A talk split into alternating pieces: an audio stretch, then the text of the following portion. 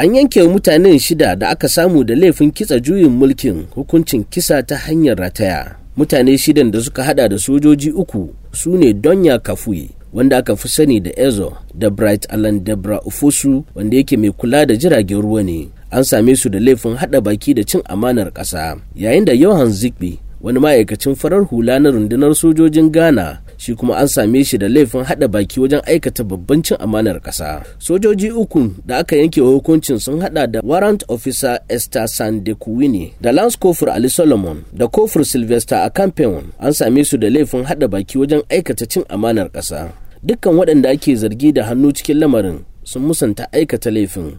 An jibge 'yan sanda ɗauke da manyan makamai a harabar babban kotun a ranar laraba a yayin zaman sauraron karar da kuma yanke hukunci anthony janar ɗin ƙasar ghana godfrey debua wanda ya shigar da karar ya yaba da sakamakon hukuncin domin ya zame ishara ga masu niyyar aikata hakan And for me, it sends a strong signal to the nation that any attempt at all to destabilize the nation, any attempt to organize overthrow of the constitution will not be countenanced and will be taken quite seriously. Ya ce gare ni hukuncin ishara ce mai ƙarfi ga al'ummar ƙasa ko da wani ya yi yunkurin tada zaune tsaye a ƙasar duk wani yunkuri na tayar da ƙayar baya ba za mu lamunce hakan ba domin mun ɗauki hakan da muhimmanci sai dai babbar kotun ta wanke kwamishinan 'yan sanda benjamin agojo da jami'in soji kanar samuel kojo gameli da kofur saidu abubakar benjamin agojo ya ce Ah, it is joy we give glory to God. He alone has made it. You heard the judgment and you saw all the rebuttals. I, I don't need to talk again. They knew that it was falsehood, but they continued to perpetuate it and push it hard. It didn't work.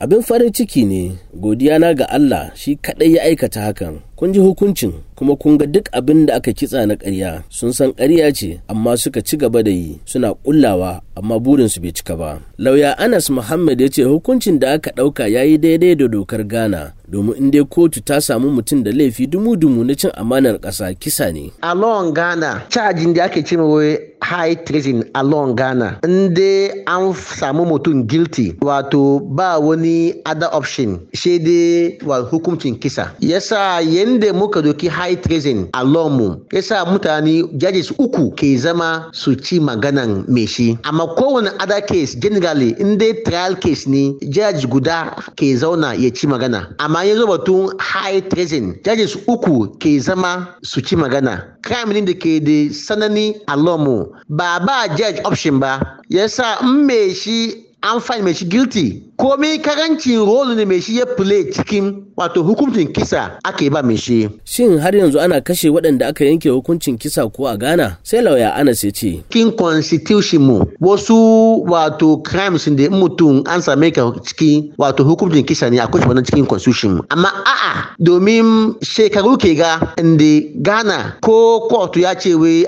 wato ya yanke hukuncin kisa ba ba zantarwa wannan hukunci. Ɗaya daga cikin lauyoyin mutane shidan victor adaudu ya ce za su garzaya kotun kuli domin kalubalantar hukuncin. Idris abdallah bako sashen hausa na muryar amurka daga accra ghana.